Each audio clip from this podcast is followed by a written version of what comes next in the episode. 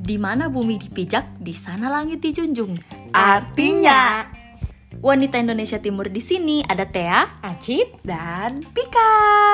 Iya, kata mau bilang selamat malam dulu nih untuk ketemu punya semua teman-teman pendengar. Selamat malam. Malam. Selamat pagi, selamat siang, selamat sore. Oh iya, dong pasti mendengar di waktu yang berbeda-beda ya. Mm-mm.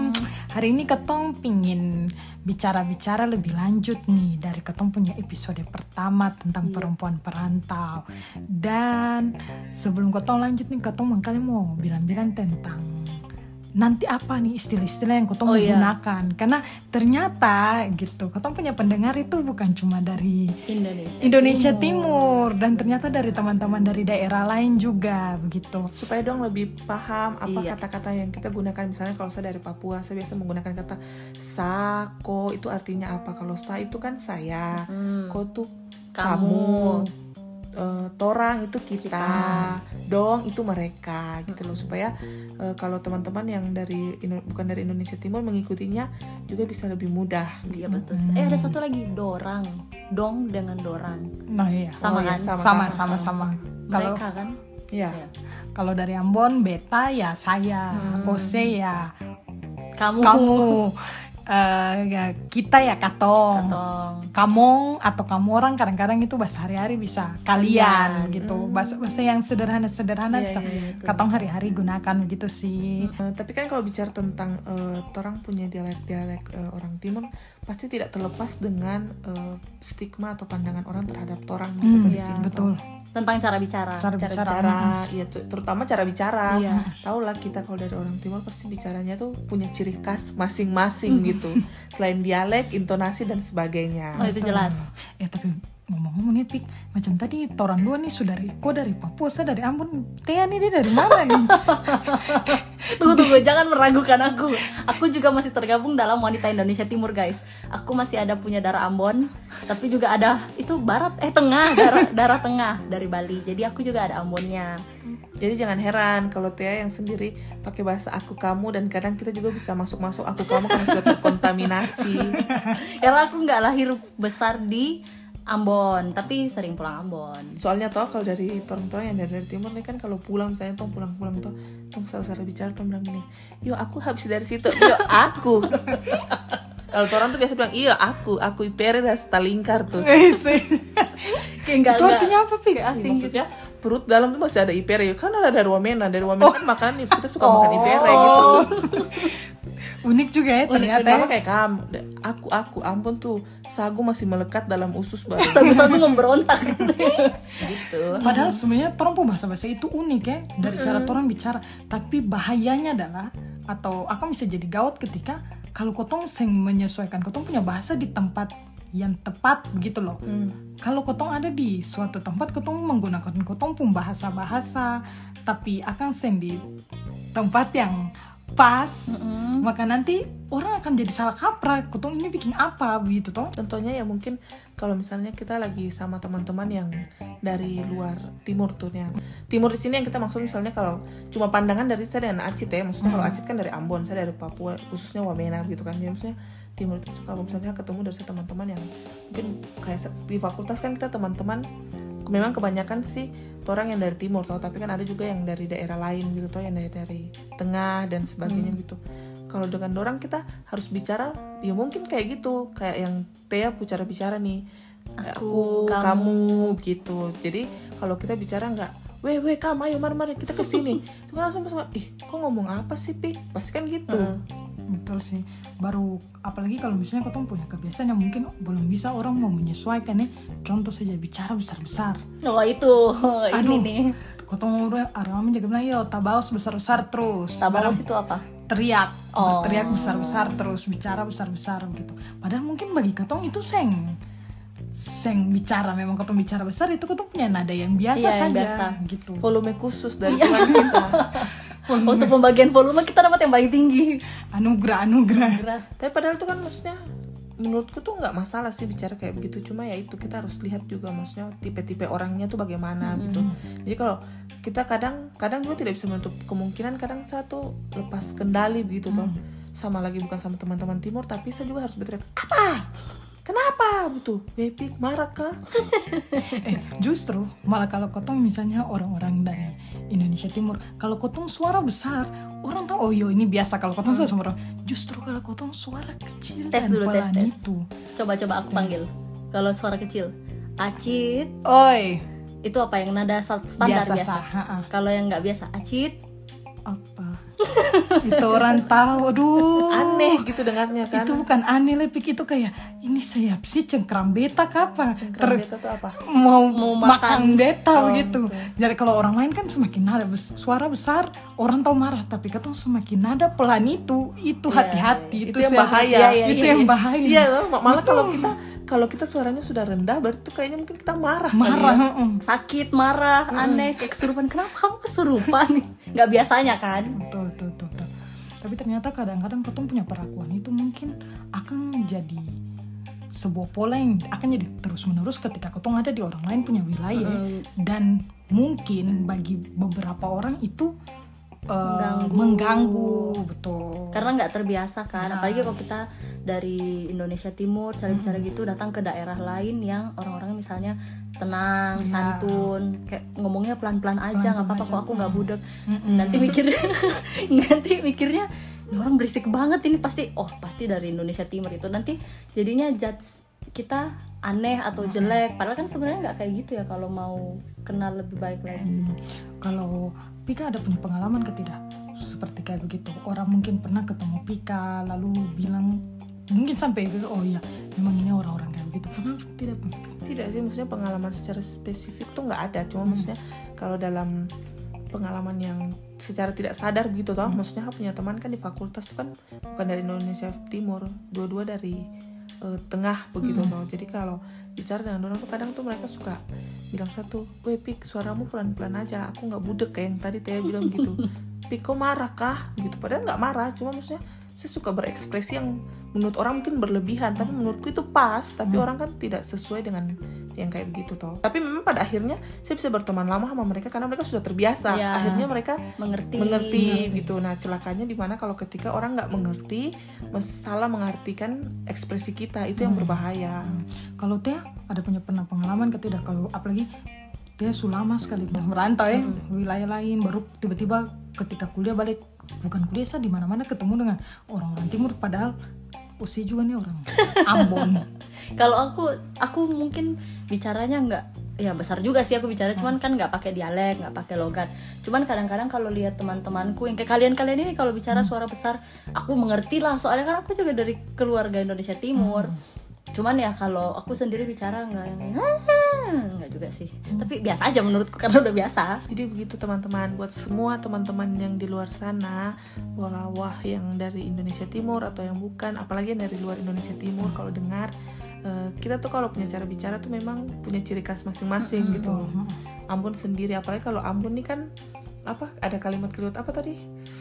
Usi-usi tuh. aduh, aduh kamu tidak tahu itu kalau saya diganggu-ganggu kalau saya sudah marah orang hmm, tong tahu usi jadi Artinya apa? maksudnya gimana tuh? Ih, itu memang usi-usi Ambon tuh begitu kenapa nyolot? Iya nyolot itu. Kalau bicara tuh nyolot gitu. Kalau bicara apa sih? Ngegas terus, do tinggi terus. Padahal biasa. Padahal kalau apa sih? Kalau di Papua tuh ngomongnya santai, cuma kadang tuh nada-nadanya kita tuh yang mungkin orang tidak terima, mungkin kita kebiasaan untuk agak nadanya lebih lebih kuat gitu kan, Jadi kayak bisa, iya kenapa? gitu, padahal kita santai ngomongnya. Beda kalau kalau kita dengan misalnya kayak Acit bicara gitu tuh, kadang juga saya rasa kayak ih Acit santai aja sih ngomong, saya rasa kayak mau baku pukul dan Acit gitu, padahal Itu- itu- itu. sama-sama toh. itu kayaknya yang orang lihat ya. Baku pukul berkelahi Iya, ya, berkelahi, baku pukul tuh mau baku pukul dan acit gitu terus ih anak ini kenapa sih? Maksudnya kayak jengkel gitu kan padahal dia tuh bicara biasa. Cuma padahal kita sama-sama dari timur ya. Kalau misalnya kan Ambon Papua kan timur sama-sama terus harusnya saya bisa lebih mengerti. Tapi saya rasa kayak ih anak ini bicara bagaimana? Padahal sama aja kadang mungkin saya kadang bicara juga acit mungkin ganas gitu. Kita kadang tidak tahu maksudnya hatinya orang siapa yang tahu. Gitu. Itu berarti itu yang orang lihat juga kan. Misalnya ada dua perempuan nih perempuan dari eh, dari Indonesia Timur. Misalnya kita lagi bicara terus cara ngomongnya keras gitu. "Hah, hah." terus orang mikir ini orang-orang mau baku pukul atau gimana berkelahi kan? Berkelahi Heeh. kan? jadinya kan berisi atau gimana tapi sebenarnya nggak gitu semua kan nggak semua perempuan-perempuan yang dari Indonesia Timur nggak akan mau kayak gitu Iya, sing, sing semua seperti itu sih ada yang baik, banget ada yang sopan gitu. untuk kita kita ini kayaknya enggak Iya tapi toh ada cerita lucu nih apa apa Jadi waktu saya pertama-tama datang ke sini toh, teman ajak saya pergi belanja di pasar. Pasar ini kan banyak masyarakat lokal toh. Mm. Ya, Bu, itu berapa? Gitu. Gini mbak, gini-gini. Oh iya. Makasih ya. Gitu loh. Gitu. Setelah, ih Pik, jangan marah. Ih, saya bilang makasih kok. Ih, itu marah. Bilang, Ih, sama-sama saya juga waktu awal datang kuliah mau sosokan karena saya pertama praktek di jemaat yang memang mayoritas semua buka orang sini tempat ketong berstudi nih ketika beta mau minta terima kasih di orang mau sosok pakai bahasa Jawa nih oh ya ini Mbak Astrid makanannya oke bu. Matur nuwun bu. Kamu emang kurang ajar kalau kayak gitu. Matur nuwun bu. Semua tertawa saya. Oh ge Mbak Astrid ge oh iya Bu." Mbak Astrid bilang matur nuwun kayak mau makan orang Matur nuwun versi Indonesia Timur.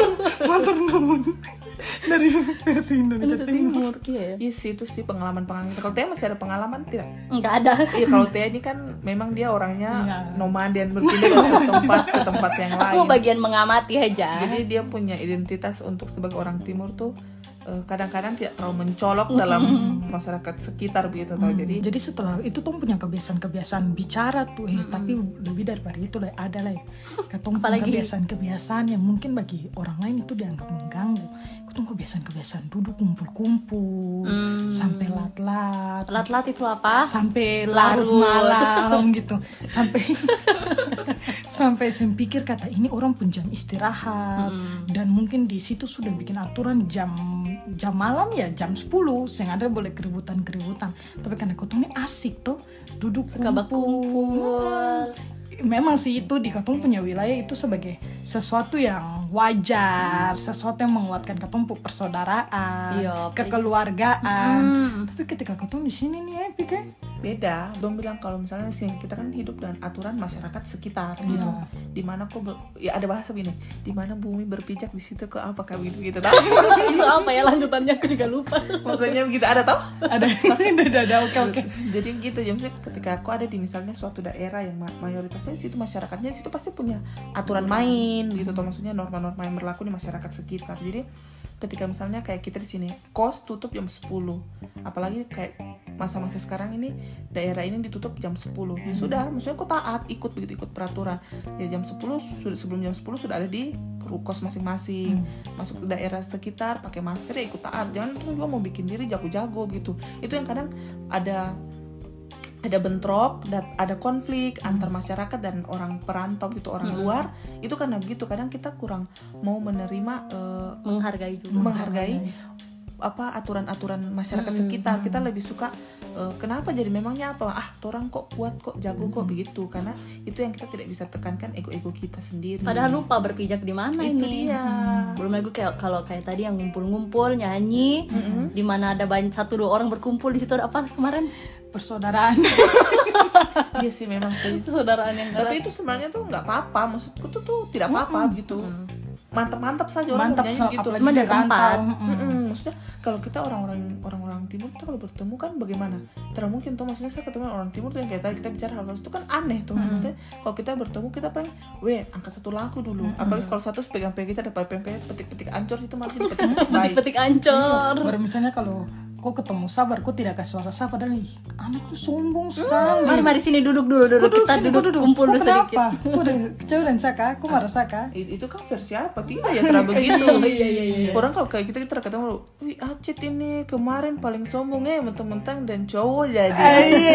Kalau dan cowok kalau sendiri kan pasti eh kok budek kan Pasti langsung tapi iya kalau udah berkumpul itu kan lupa waktu lupa sekitar lagi. ya betul. Makanya berdampak ya di beberapa tempat. Makanya uh, kita sendiri kemarin-kemarin sempat kesulitan kalian berdua juga apalagi pikir dan Oh, kesulitan iya. untuk cari kos, Cari kos. Ya. Beberapa tempat Ya, kalau aku mungkin rasanya karena pernah ada orang sebelum kita dari tempat asal yang sama ataupun tidak sama, ya maksudnya dari Indonesia Timur yang pernah bikin masalah lah, bikin onar lah di situ. Mungkin toh ada oknum-oknum yang pernah kayak gitu, saya ribut, nongkrong, teriak-teriak sampai malam, apalagi kalau perempuan-perempuan ya, kan kalau di sini menurut mereka umumnya harusnya perempuan tuh sopan gitu santun bicaranya nggak usah keras-keras. Tapi mungkin pernah ada yang kayak lebih keras dari biasanya bicaranya atau lebih berisik dari biasanya. Akhirnya yang lain mau masuk orang lain dari Indonesia Timur mau masuk yang kemudian udah kayak kurang diterima gitu. Jadi stigma mereka sudah Mm-mm, ada. sudah ada stigmanya. Jadi pas mau orang lain orang baru mau masuk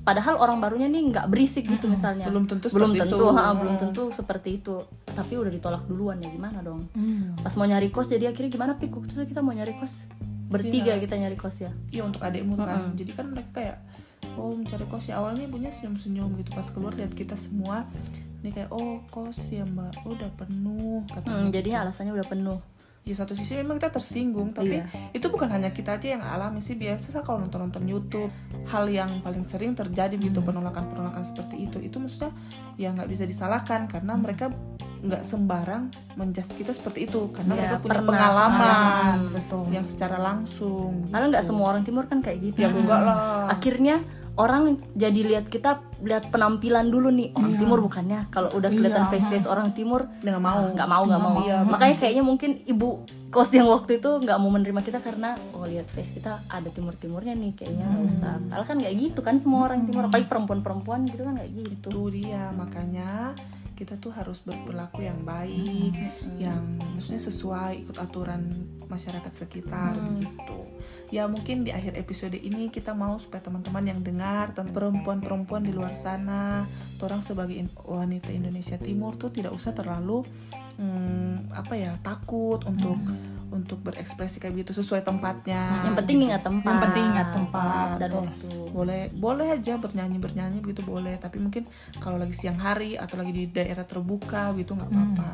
Ingat waktu perhatikan eh, jam jangan terlalu larut. Larut, terus jangan sampai pokoknya kita membuat orang lain makin percaya pada stigma jelek yang sudah ada. Kita kita bisa ubah dari hal yang sederhana. Kita bikin pola-pola baru yang sederhana. Hmm, dari diri kita sendiri dulu lah ya. Karena beta yakin begitu. Kalau kotong sudah dari kecil sudah ditanamkan dengan hal-hal yang positif sehingga di mana pun kotong pergi harusnya kotong bisa menjadi lebih baik bagi katong diri maupun bagi masyarakat di sekitar situ.